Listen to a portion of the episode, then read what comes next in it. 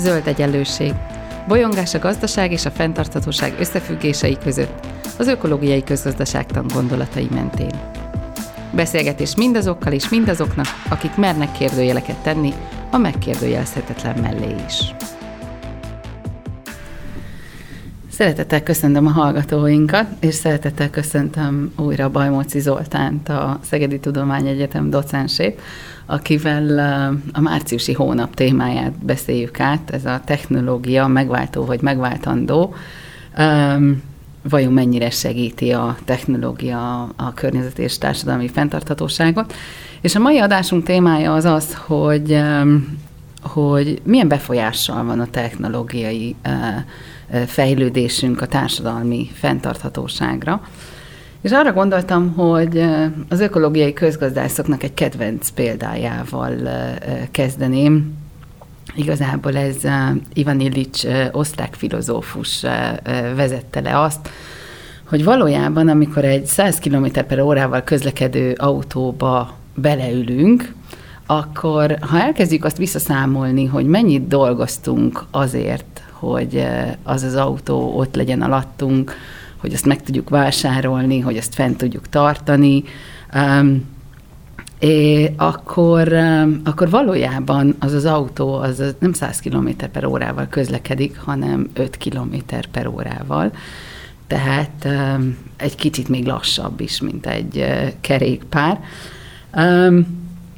Ráadásul ugye ő hozta be azt a szempontot is, hogy, uh, hogy egy, egy jól keresőnek, mondjuk ez az autó gyorsabban megy, míg egy rosszabbul kereső embernek ez kifejezetten lassú. Tehát még adott esetben 5 kilométernél is lassabban megy.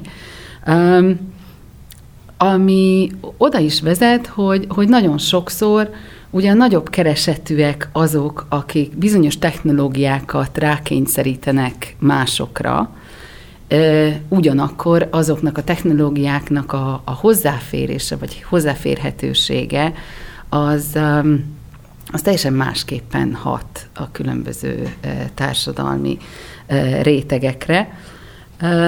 Mit gondolsz erről a példáról? Köszöntöm én is a hallgatókat. Nem véletlenül kedvenc példája ez az ökológiai közgazdászoknak, mert nagyon sok van ebben a példában, ebben a történetben.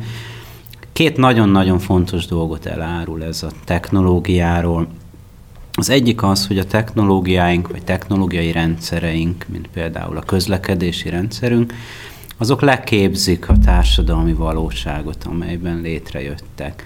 Leképzik azt a valóságot, hogy vannak emberek, vannak szereplők, akiknek jó megoldás ez az egyéni mobilitás és az autóval való közlekedés, és vannak szereplők, akiknek nem feltétlenül, de az ő szavuk az valószínűleg kevésbé esett latba a, annak a folyamatnak a során, amikor kiépült ez a közlekedési rendszer. Először talán az Egyesült Államokban e, ilyen formában, de, de nagyjából most már e, a legtöbb helyen jellemző ez. És a másik oldala az az, hogy nem csak arról van szó, hogy a társadalmi valóságot beletesszük a technológiai rendszereinkbe, hanem a technológiai rendszereink visszahatnak ránk, létrehoznak egy valóságot számunkra, amiben élünk. Tulajdonképpen bizonyos keretek között megmondják számunkra azt, hogy hogyan kell élni. Ennél a példánál maradva tulajdonképpen ez azt jelenti, hogy ezen a ponton hiába ismerik fel a szereplők azt, hogyha minden ráfordított időt kiszámolnak, akkor ez egy végtelenül lassú rendszer. Ez nem jelenti azt, hogy ezen a ponton ők ki tudnának lépni ebből a rendszerből, és autó helyett kerékpára vagy gyalogos közlekedésre tudnának váltani, hiszen az egész világunk az már erre az autós közlekedésre lett optimalizálva. Messze van egymástól a munkahely, a lakóhely, különösen ugye az elővárosi lakóhely, illetve a bevásárlóközpont, és azért is vannak ezek messze, mert ennyi autónak sok hely kell, hogy elférjen. Azaz, hogyha nem akarunk még több dugóba ülni, akkor ezeket a helyeket ugye egymástól messze kell praktikusan is elhelyezni. Tulajdonképpen kőbe véstük azzal, hogy hogy alakítottuk ki a városainkat, meg az elővárosainkat. Ezt a fajta víziót, ezt a fajta valóságot, hogy egy személyautón alapuló egyéni mobilitási rendszerünk van. És innentől kezdve ez már adottság, amit meg lehet ugyan változtatni, de borzasztó nagy erőfeszítésekbe kerül, mert én már ez az a valóság, amiben benne élünk, ez az a valóság, ami megmondja a szereplőknek, hogy tulajdonképpen mit kell csinálni. Ezeket szokták egyébként útfüggőségeknek is hívni, tehát, hogy létrehozunk olyan rendszereket, amikből aztán utána nagyon-nagyon nehéz kiszállni. Így van, és a technológiáknak ez egy nagyon-nagyon markáns tulajdonsága, hogy szeretik ezeket az utakat létrehozni, és adott esetben nehéz lehet, bár nem lehetetlen ezekről az utakról egy másik útra áttérni. Tulajdonképpen az, hogy a technológia társadalmi jelenség, az, az legis leginkább ezt jelenti, hogy a társadalmi viszonyainkat közvetítik számunkra a technológiai rendszereink. Az, hogy milyen világban élünk, az, hogy mi, mi a viszonyunk a közösség többi tagjához, ezt a modern nagy társadalmakban már nem közvetlenül emberek közti kapcsolatok mondják meg a legtöbb esetben, hanem a technológiai rendszerünkbe ezt beleépítjük, és a technológiáink mondják ezt meg számunkra. A technológiáink mondják meg a számunkra például, hogy egyenrangú egy mozgássérült embertársunk a többiekkel abban az értelemben, hogy számára is lehetőség van-e a városi közlekedésre, vagy a középületekbe, vagy az oktatási intézményekbe történő bejutásra vagy, vagy például a mozgássérült gyermekek egyenrangúak a többi gyermekkel, ők találnak -e olyan játszóteret, ahol tudnak játszani bármit. Jelenleg leginkább nem találnak sajnos. És ezzel tulajdonképpen, hogy nem találnak, ezzel meg is teremtettünk egy társadalmi viszonyt, vagy talán még ennél is ö, ö, egyértelmű példa az, hogy nagyon sok közterünkön olyan köztéri padokat helyezünk ki egy ideje, amiket középen egy karfa választ el. Ennek a karfának az a jelentőség, hogy ezen a padon nem lehet aludni. Ez a pad ez azt mondja, hogy a hajléktalan emberek nem, ket nem látjuk szívesen ezeken a köztereken. Nem egy másik ember küldi el onnan a hajléktalan embert, hanem ezt a társadalmi viszonyt beleépítettük a technológiai rendszerünkbe, és innentől kezdve ez mozgatja a társadalmat. De ennek van egy másik oldala is, és akkor most ez az optimista oldal, hogy ebben viszont óriási lehetőség van, mert ugyanígy a változást is kőbevéshetjük a technológiai rendszereink segítségével, hogyha új megoldásokkal, új víziókat magukba építő technológiákkal jövünk elő, akkor már el is kezdődött a változás. Az már a valóság részévé vált, az már alakítani fogja a szereplők viselkedését onnantól kezdve. És új útfüggéségeket hoz létre. Így van. Az, ahogy beszélsz arról, hogy, hogy a technológia hogyan képezi le, vagy, vagy a, a társadalmi víziókat, meg az, ahogy, ahogy arról beszélünk, hogy ki hozza létre ezeket a technológiákat, milyen logika alapján, piaci logika alapján, vagy társadalmi vízió alapján, megelőzte párbeszéd, vagy nem előzte meg. Um, Ebbe az is nagyon fontos szerepet játszik, hogy, hogy egyre inkább a technológiánk meghatározza azt, ahogyan élünk, ami, amit használnunk kell, és az, hogy ebben mennyire nehéz nem belelépni, arra szerintem bárki, aki, aki 20 évnél idősebb emlékszik, hogy úgy kezdte, hogy ő nem vesz magának mobiltelefont. Szerintem szinte mindenki így kezdte, hogy ő már pedig nem vesz mobiltelefont. Most meg egyszerűen az, hogyha nem vesz az ember mobiltelefont, azzal eldönti, hogy ő kilép bizonyos értelemben a, a, a társadalom szövetéből, és és sokkal nehezebben tudna mondjuk munkához jutni, vagy, vagy, vagy bármit elintézni. De hogy nyilván ennek van egy jó oldala is, meg egy, egy rossz oldala is, viszont, viszont arról mindenképpen beszélni kell, hogy ezáltal, tehát ugye a, a, nagyon erős, áttechnologizált társadalomban létrejött egy olyan tőkefogalom, amiről, amiről relatíve ritkán beszélünk, és ez a, a, az információs piac létrejötte. Tehát, hogy a technológiával nagyon sok információhoz, és ezáltal nagyon nagy befolyáshoz jutunk, ha mondjuk az a technológia az, az, az, az rajtunk múlik, vagy, vagy nekünk arra, arra hatása van. Um, hogyan lehetne mondjuk ezt, a, ezt az információs tőkét társadalmi a társadalom szolgálatába állítani? Nem egy egyszerű kérdéssel kínáltál most meg engem. A, ez a fajta információs tőke, vagy, vagy big data, ez kulcs fontosságú erőforrás vált a jelenlegi gazdaságban.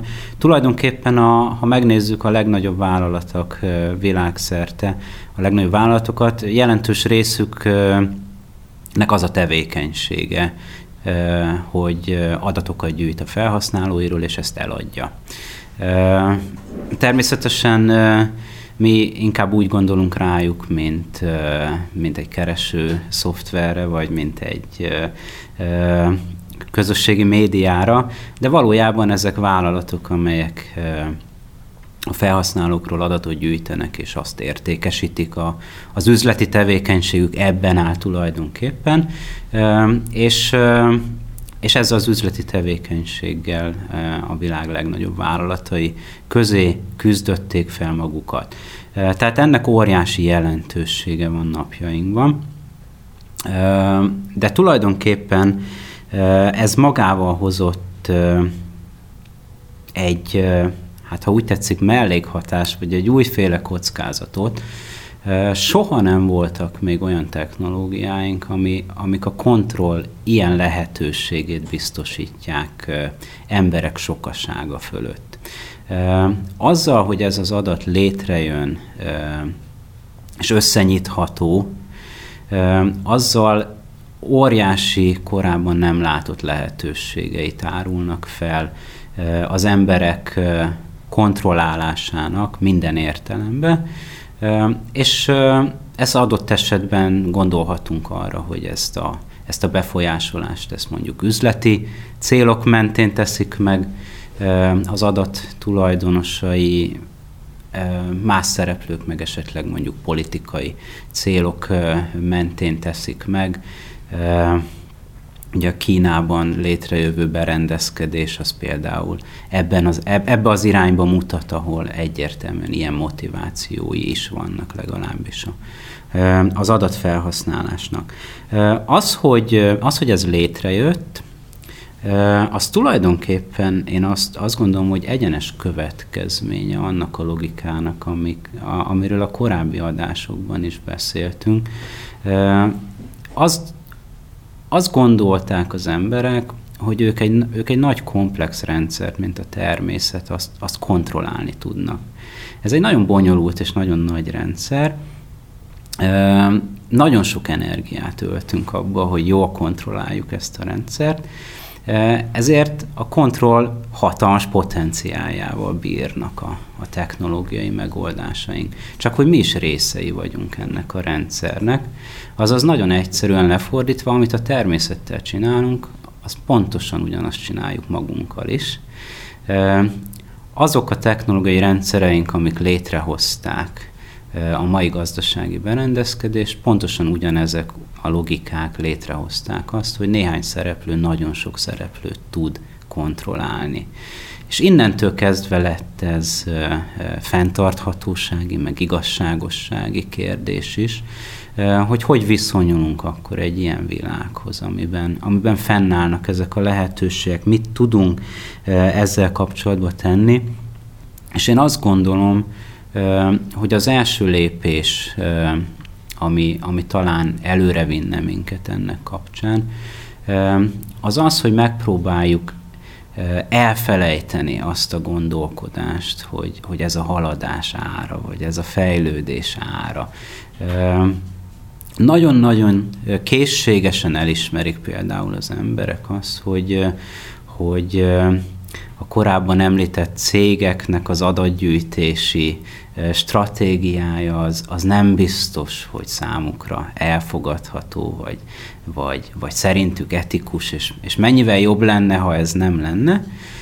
De hozzáteszik, hogy hát de igen, de annyi előnyt nyújt ez a rendszer számomra, illetve akkora ára van kimaradni ezekből a rendszerekből, hogy, hogy én ezt én ezt bevállalom, mérlegeltem, nem nagyon tudok más tenni, megfizetem. A könnyebb kommunikálásnak ez az ára, hogy adatokat gyűjtenek róla. Na hát ettől a gondolkodástól kéne elrugaszkodni, mert valójában sehol sincs ez kőbevésve, hogy ez az ára. A technológiák újraalkothatók, egyes aspektusai megtarthatók, más aspektusai elvethetők. Semmi, de semmi az ég egy világon nincsen, ami azt mondatja velünk, hogy csak úgy hozhatunk létre közösségi médiát, hogyha az összes megképződő adatot utána egy szereplő fogja tulajdonolni. Miért ne lehetne az szétszórva? Miért ne tárolhatnánk ezeket a saját gépünkön? És vannak egyébként olyan rendszerek, amik ezzel próbálkoznak, hogy egy, egy, egy kicsit hierarchiamentesebbé tegyék, megtartsák azokat a funkciókat, amiket értékelünk, és, és kidobják belőle azt, amit meg nem gondolunk jónak. Ezek azok az alulról jövő kezdeményezések, amikről beszéltünk már az előző adásban is. Így van, de konkrétan közösségi média is létezik ilyen. Most nem tudom, hogy ez egy olyan adás, ahol lehet-e neveket mondani, vagy nem lehet neveket mondani, de, de létezik olyan közösségi média, ahol nem egy szoftver, nem egy szervergépen tárolódnak az adatok, és a felhasználók sokkal nagyobb mértékben kontrollálhatják azt, hogy egyáltalán milyen adatok képződnek meg, és ők választhatják meg a szervergépet, ahol ez tárolódik, és nélkülük nem nyithatók össze ezek az adatok egymással. Tehát megalkothatók ezek a rendszerek, és képesek vagyunk megalkotni ezeket a rendszereket de ehhez az is szükséges, hogy tényleg ne úgy gondoljunk a technológiai rendszereinkre, hogy mint hogyha ez lenne az egyetlen létező konstelláció, ahogy létrejöhetnek, mint hogyha, mint hogyha ez lenne az az ár, amit meg kell fizetni a funkcióért cserébe. Még egy olyan aspektusa a technológiának, ami általában a társadalmi egyenlőséget vagy egyenlőtlenséget befolyásolja, az a tudásnak a a, a létrejötte, és hogy kié az a tudás, ami, ami, ami létrejön. És most azt látjuk, tehát, hogy, hogy talán nem véletlen, hogy azok a mozgalmak, amik, amik ezekkel a típusú társadalmi igazságoságokkal foglalkoznak, nagyon elevne vannak mondjuk a szabadalmi eljárásoknak, vagy, vagy annak a, a, a tudás olyan szintű centralizációjának, ami, ami, ami most létrejön, mert hogy, hogy ez a tudás az, ami igazából segít abban, hogy függetlenedni tudjunk ezektől a rendszerektől, vagy, vagy, vagy, vagy nem. És, de hogy azt lehet látni, hogy, hogy azért a folyamatok ma leginkább a tudás monopolizálása és, és privatizálása felé mutat. Ugyanakkor hát nyilván a, a, az ökológiai közgazdászok megpróbálnak ez ellen eszközöket találni, hogy hogyan lehet ezt a folyamatot megállítani, és ugye azt mondják, hogy, hogy, hogy rettentesen fontos lenne a, a világunkba a, a környezeti és a társadalmi fenntarthatóság érdekében a, a nyílt forrású tudások létrejöttét támogatni. Hogyha egy pillanatra megpróbálunk eltekinteni attól, hogy, hogy nyilván kőkemény üzleti vagy akár politikai érdekek lehetnek a mögött, hogy, hogy ez, a, ez a nagy adat ez megképződjön és rendelkezésre álljon. Hogyha egy picit ettől eltekintünk, akkor azért sokat lehet arról is hallani, hogy az új lehetőségeket teremt számunkra, és hogy akár a fenntarthatóság szempontjából milyen fontos, hogy ezek az adatbázisok létrejöjjenek. És ezt szembeállítani aztán a, a, azokkal az elképzelésekkel, hogy sokkal kiegyenlítettebbnek kéne lenni a tudáshoz való hozzáférésnek,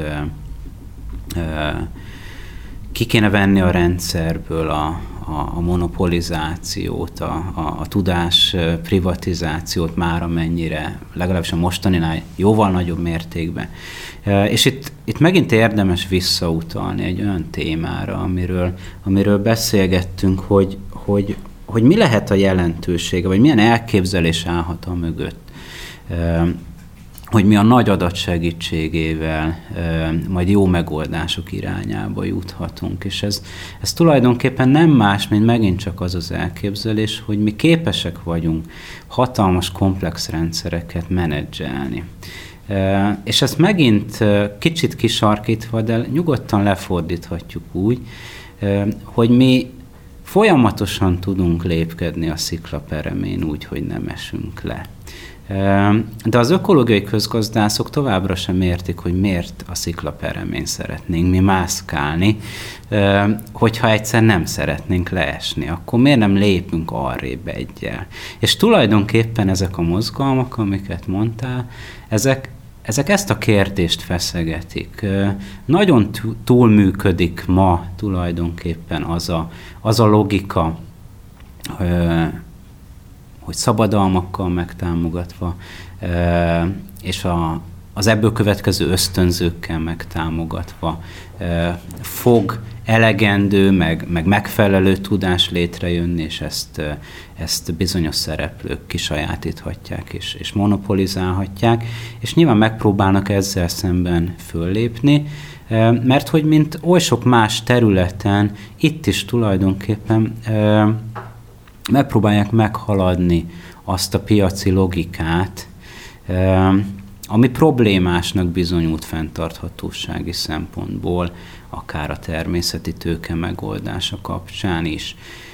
És hogyha ránézzünk arra, hogy hogyan jön létre manapság a tudás, a tudomány és az ipar összekapcsolódásával, ez egy iparággá vált olyan konkrétan iparággá vált, hogy gyakorlatilag az egyetemek is jobban hasonlítanak manapság egy nagy vállalatra, mint egy 19. századi egyetemre. Valójában nagyon sok tekintetben ez egy iparággá vált, aminek piaca lett, ami elkezdett piaci logikák mentén működni, nyereségesség, bizonyos szereplők megrendelő szerepbe kerültek, ezek általában olyan szereplők, akik tudnak fizetni a tudásért, és vannak szereplők, akik meg nem tudnak fizetni a tudásért, és nem is jutnak hozzá ehhez a tudáshoz, és nem is nagyon maradt olyan szereplő, aki feladatának érezni, hogy a nem fizetők számára is tudást állítson elő. Hogyha ezt a működési logikát rossznak gondoljuk, akkor nyilván meg kell haladni ezt a logikát. És onnantól kezdve megpróbál, megpróbálnak az emberek beavatkozni azokon a pontokon, ahol azonosítják ezeket a logikákat, és azt mondják, hogy, hogy szabadalom helyett legyen nyílt hozzáférés. Próbáljuk egy kicsit kiegyenlíteni a tudáshoz való hozzáférést, és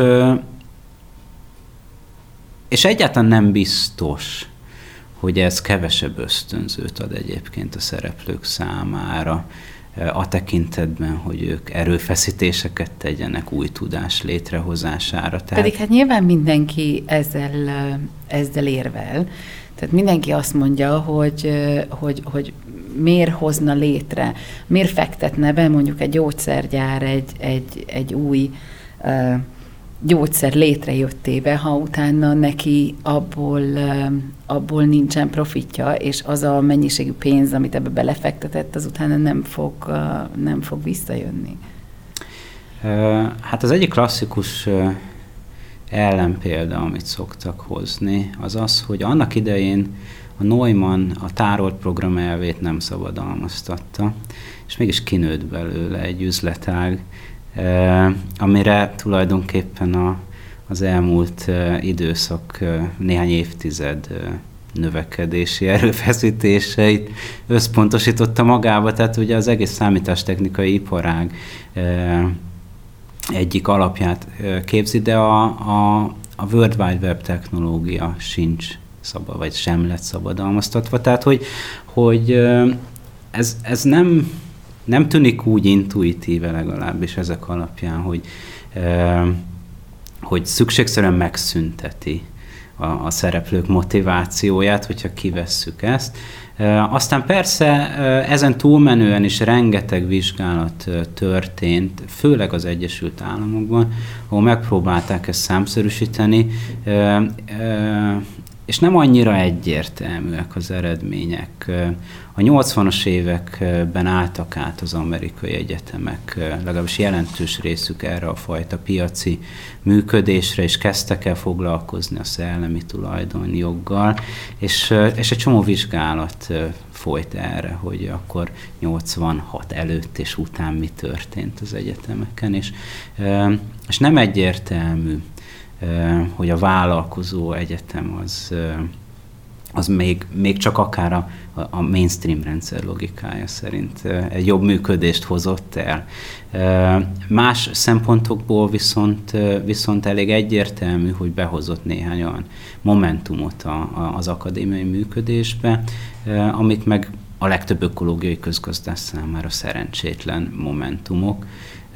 Például az, hogy az egyetem az, az sokkal inkább azokat kezdte megrendelőnek tekinteni, akiknek pénze van.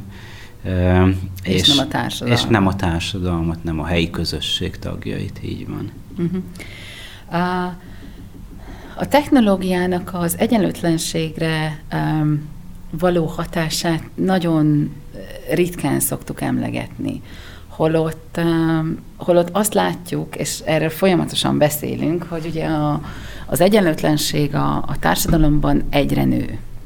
De hogy ennek a, ehhez az egyenlőtlenséghez a technológia nagyon jelentősen hozzájárul, hiszen egészen addig, amíg a tudás privatizálva van, ha valaki ezt a tudást birtokolja, akkor onnantól kezdve ugye nagyon-nagyon sok erőforrást tud magához, magához vonzani, és és így hozza létre az egyenlőtlenségeket, például azáltal, ugye szokták mondani, hogy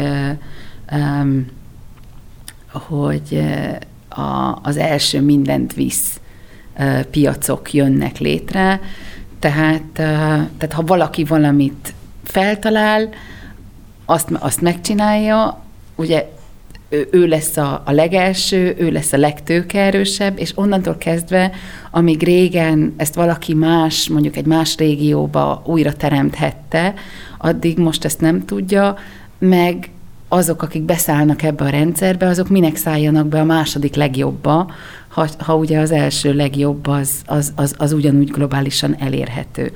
És így az egyenlőtlenségek növekedéséhez jelentősen hozzájárul a, a technológia. Mi az, ami, ami esetleg ezt a típusú folyamatot megállíthatja? Ugye az egyikről beszéltünk a, a, a nyílt forrású a, a, tudás. De hogy ezen túl van-e még bármi olyan, ami, ami uh, inkább az egyenlőség, inkább a társadalmi fenntartatóság, társadalmi igazságoság irányába visz? A, én azt gondolom ezzel kapcsolatban, hogy, hogy ugye továbbra is a technológiát egy ilyen nagy fekete dobozként szeretjük látni, és, és különösen a társadalmi aspektusait a technológiáinknak, és el kell kezdeni szisztematikusan ezt, ezt kinyitni. Fel kell tenni a kérdéseket, hogy például ki fér hozzá a technológiáinkhoz. Szeretünk úgy gondolni valamire, hogy megalkottuk, és akkor az onnantól van, az onnantól szolgálja az embereket, de természetesen nem erről van szó, attól, hogy például egy betegségre egy gyógymódot feltaláltunk, az nem jelenti azt, hogy a világ embereinek jelentős része az ténylegesen hozzáférne ehhez a kezeléshez. A, az, hogy ki tudunk menni a világűrbe, az nem jelenti azt, hogy most itt bármelyikünknek lehetősége lenne. És az, ahogyan létrejön a technológia, az hatással lehet már arra, hogy, hogy kifér hozzá. Az, ahogyan kialakítjuk a technológiáinkat fizikai értelemben, az szintén magába foglalja, hogy ki használhatja ezt, ki tud belőle előnyt húzni a saját maga számára. A korábban említettem például a játszótereket. Egy átlagos játszótéri játékból egy mozgássérült kisgyermek nem tud hasznot húzni. Ő attól nem fog tudni még játszani. Hogyha az egyenlőséget szeretnénk előmozdítani, akkor a technológiának ezt az úgynevezett kódját meg kell változtatni, mást kell a, a dizájnba beletenni, máshogy kell kialakítani, figyelembe kell venni azokat, akik eddig kimaradtak, és persze ebbe a sorba tartozik még egy nagyon fontos kérdés, hogy ki mit gondol arról, hogy mennyire fontos az, a, az az új képesség, amit létrehoz a technológia, az az én vízióm a világról, vagy, vagy valaki másnak a víziója. Fontos-e számomra az, hogy ezt a, ezt a lehetőséget, ezt, ezt megteremtsük, vagy, vagy nem fontos. Néha maguk a kutatók is elbizonytalanodnak manapság már egy-egy technológia kapcsán, és, és kinyitják a terepet, és, és, és úgymond laikusokat invitálnak be a folyamatba. Fontos-e az, hogy, hogy képileg meg tudjuk jeleníteni, hogy a másik ember mire gondol? Fontos-e az, hogy emberi beavatkozás nélküli halált okozó fegyvereket hozzunk létre? Ez, ez, ez milyen milyen társadalmi vízióknak a része ez, a, vagy akár, hogy egy önvezető autó hogy nézzen ki, milyen algoritmusok menjenek bele, és azok kinek az algoritmusai, és ez egy nagyon érdekes kérdés egyébként, hogy a vizsgálatokból az jött ki, hogy egyrészt különböző kultúrák más választ adhatnak ugyanolyan etikai kérdésekre, és különböző képzettségű vagy jövedelmi helyzetű emberek is más választ adhatnak. És akkor az autógyárak mit fognak beépíteni a technológiába? Kinek lesz ez a válasza? És azt rá, innentől kezdve ráoktrojáljuk a többiekre, vagy ezt, vagy ezt kinyitjuk egy, egy kicsit. És én, én nagyon szeretek behozni egy, egy példát, amit szerintem ilyen aspektusból nem szoktunk megtárgyalni, és kulcsfontosságú lenne. Ez a genetikailag módosított szántóföldi növényeknek a, a kérdése. Nagyon sokat beszélünk arról, hogy, hogy kockázatos, nem, egészséges, egészségtelen, milyen hatása lesz a természetre, más élőlényekre. Ezek nagyon fontos kérdések, de ezeken túl is vannak kérdések, és, és lehet, hogy könnyebben eldönteni ezt a vitát, hogyha, hogyha megnéznénk ennek a társadalmi vonatkozását egy picit, a, nagyon gyakran érvelnek amellett, hogy így jobb terméshozamot lehet hozni, és több élelmiszert tudunk előállítani, e, és mivel nő a népesség, ez, ez nagyon fontos kérdés lesz. E, csak hogy az, hogy valaki élelmiszerhez jut-e vagy nem, annak vajmi kevés köze van ahhoz, hogy mennyi élelmiszer termelünk, és e, ezt nagyon világos vizsgálatok kimutatták már. Ez egy elosztási kérdés. Nem azért halnak éhen emberek, mert nem termelünk elég élelmiszert. És ha így tesszük fel ezt a kérdést, akkor előállítunk egy rendszert, ami növelni fogja a jövedelmi egyenlőtlenségeket, hiszen néhány nagy szereplőt tesz pozícióba. Az élelmezési kérdés egy elosztási kérdés, akkor egy olyan megoldást keresünk, ami a korábbinál is rosszabb elosztást fog eredményezni várhatóan. Ez egy, ez egy jó társadalmi vízió nekünk, vagy nem jó? Ezt értem az alatt, hogy nyissuk ki a társadalmi aspektusait a technológiának. Tegyünk úgy, mint, mint hogyha ezek társadalmi döntési kérdések lennének, mint ahogy azok. És ilyen értelemben legyen újra hát a szó eredeti értelemben politikája a technológiának, és legyen demokratizálása a technológiának. Nagyon szépen köszönöm ezt a mai adást is neked, és a következő, a hónap utolsó adásában arról fogunk beszélgetni, hogy miként tekintünk a, a technológia és a munka összefüggéseire az ökológiai közgazdaságtanon belül, és nyilván ez vissza fogja még hozni ezeket a, az egyenlőtlenségi kérdéseket is.